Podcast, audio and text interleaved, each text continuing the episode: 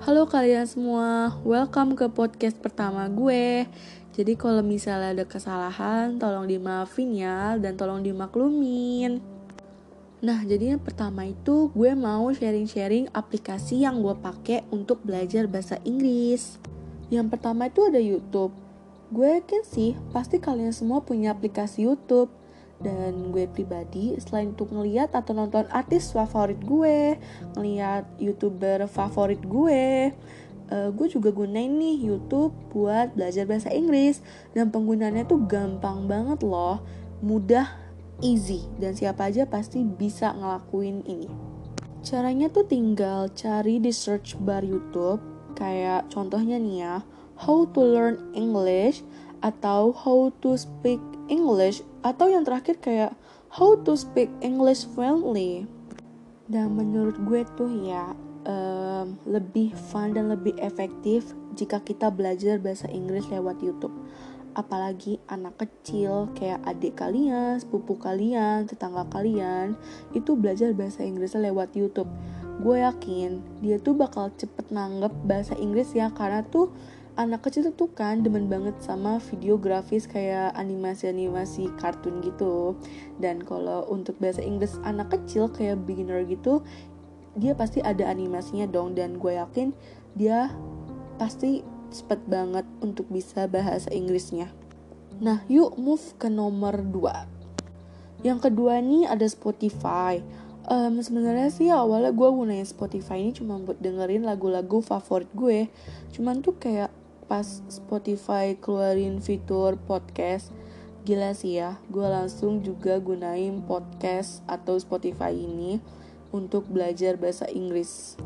Sebenarnya sih sama aja kayak penggunaannya YouTube cuman kan bedanya Spotify ini cuma buat dengerin kan. Nah jadi menurut gue lebih easy aja kalau belajar menggunakan Spotify cuman nggak terlalu efektif kalau buat anak kecil karena mungkin kurang menarik gitu. Nah kalian tahu nggak sih gue tuh sempet dapet pertanyaan dari temen gue.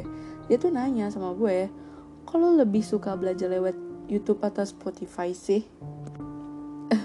Gue jawab gini dong ehm, ya suka aja karena lebih fun. Lagian ini ya pendapat gue kalau belajar lewat YouTube atau Spotify kan yang nyamperin materi itu kan manusia. Maksudnya tuh lebih akurat dan lebih apa ya bahasanya pokoknya tuh lebih akurat deh gitu kan. Nah, jauh beda kalau misalnya gue pakai dictionary atau Google Translate yang kadang ngaconya minta ampun. Karena kan bahasanya kalau dalam ini kan dia itu bot. Dia tuh kadang suka ngaco kan, apalagi kalau misalnya ada kata yang nggak kedetek kan sama dia. Opsinya tuh berarti cuma dua kayak enggak ke translate atau ngaco kan? I'm a wrong? Kayaknya sih enggak cuman itu kan pendapat gue beda sih kayaknya sama pendapat orang. But wait gue juga pakai dictionary sama Google Translate untuk belajar bahasa Inggris. Berarti dia juga masuk dong ke listnya uh, ya. Tapi dia perannya nggak terlalu gede gitu sih nggak terlalu hmm, nggak hmm, terlalu sering gue pakai cuma kadang aja. Tapi cara gue pakai dictionary atau Google Translate ini nih kayak misalnya contohnya gue lagi nonton film yang pakai bahasa Inggris gitu kan. Nah misalnya ada satu kata yang baru gue denger terus gue langsung ini apa ya? Gue post filmnya gue catat dan gue pergi ke dictionary atau Google Translate deh tuh. Gue translate dan pas udah tahu ya udah seneng. Jadi ya gunanya dictionary sama Google Translate itu aja sih di HP sama laptop gue. Nah next. Ini tuh bukan yang ketiga tapi ini adalah sesi kedua yaitu gue mau berbagi metode yang gue gunakan ini metode-metode yang sering banget atau sebenarnya sih tiap hari gue pakai untuk belajar bahasa Inggris. Yang pertama itu ada follow along sama sleep learning.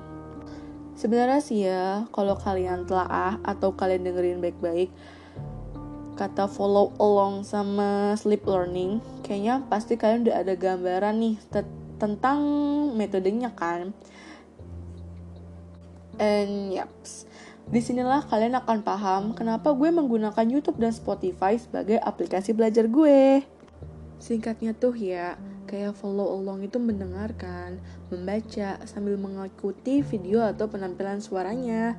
Dan sleep learning itu istilahnya kayak hmm, kita belajar sambil dengerin tapi ya santai dan apa aja sih manfaatnya dan apa aja sih kelebihan jika kita menggunakan dua metode tadi selain kita mengetahui artinya kita juga jadi tahu nih kayak verbnya kayak penggunaan katanya terus kita tahu cara pengucapannya dan kita juga jadi tahu nih uh, kayak aksen apa sih yang kita pakai British kah atau American kah? Karena kan kita tahu nih uh, British sama Amerika tuh sama cuman kadang ada beberapa yang beda gitu kan. Contohnya nih ya kayak jagung. Jagung dalam US itu kan corn kalau dalam UK itu maize. That the same object but the different accent. So Anyway, kita udah selesai untuk pembahasan kali ini. Dan so thank you so much kalian udah dengerin podcast kali ini. Dan see you next time. Bye bye.